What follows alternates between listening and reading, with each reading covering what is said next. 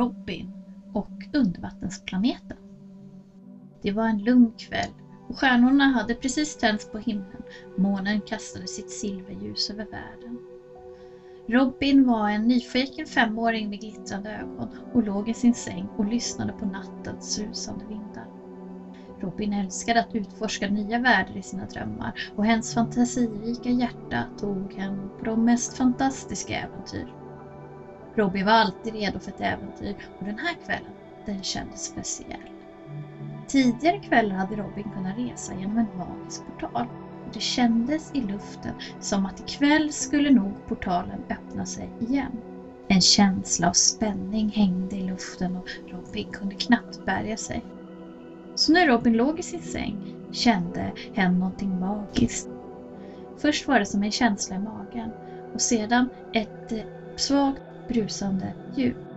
Robin satte sig upp i sängen och såg att fönstret återigen hade förvandlats till den magiska portalen. Robin förstod att det här betydde att nya äventyr kallade på henne. Försiktigt klev Robin in i portalen och svävade framåt. En stor bubbla formades runt Robins huvud och sedan blev Robin omsluten av vattnets klarblåa värld. Robin hade kommit till undervattensplaneten. Den hade Robin fantiserat om många gånger men aldrig besökt tidigare. Ljuset dansade i vattnet och havets mysterier låg framför en. Det var som om Robin hade blivit en del av en sagovärld och hennes hjärta bultade av förväntan. Robin simmade framåt i det klara vattnet, omgiven av färgglada fiskar som simmade i takt med en. En stor sköldpadda simmade upp bredvid Robin och erbjöd Robin skjuts framåt. Robin följde efter fiskarna på den snälla sköldpaddan. Efter en kort stund kom de till en alldeles majestätisk undervattensstad. Staden glittrade som diamanter i det dunkla vattnet.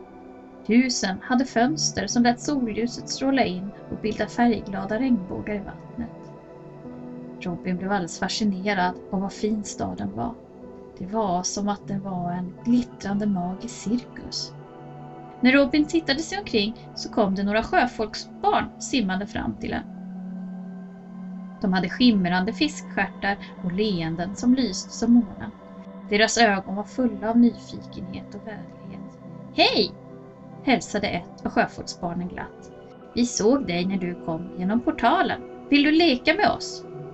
Robin nickade ivigt och kände sig genast välkommen i den främmande staden. Sjöfolksbarnen hade massor av roliga idéer för lekar under vattnet. De började med att leka undervattenskurragömma. Barnen gömde sig bakom stora korallformationer och lät Robin leta efter dem. Det var väldigt svårt att se var de dolde sig eftersom deras färgglada fiskstjärtar smälte perfekt in i det vackra undervattenslandskapet. Efter kurragömmaleken föreslog ett annat sjöfolksbarn att de skulle ha en undervattensdansfest. De dansade Dansa pausa. De bildade en stor cirkel på havsbotten och började dansa runt, runt, runt. Men när några hoppade stopp så stannade de. Robin följde med i dansen och kände sig som en del av sjöfolksfamiljen. De sjöng undervattenssånger som vibrerade genom vattnet och fyllde Robin med glädje. Sedan började de med en lek där de skulle bygga sandslott av den fina sanden som låg på botten. Robin och sjöfolksbarnen tävlade om att skapa det högsta sandslottet med spiraler och torn. Det var en lek som krävde både kreativitet och samarbete. Och Robin älskade varje ögonblick. Sedan kom de överens om att alla slott var så bra, så alla fick dela på första platsen. Efter att ha lekt en stund så började de bli lite hungriga. Sjöfolksbarnen visste var de kunde hitta de mest utsökta undervattensväxterna att äta. Tillsammans samlade de sjögräs och korallfrukter och de smakade underbart.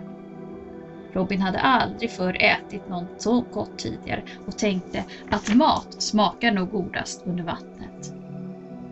Lekarna fortsatte hela dagen lång och Robin kände sig som den lyckligaste personen i hela världen.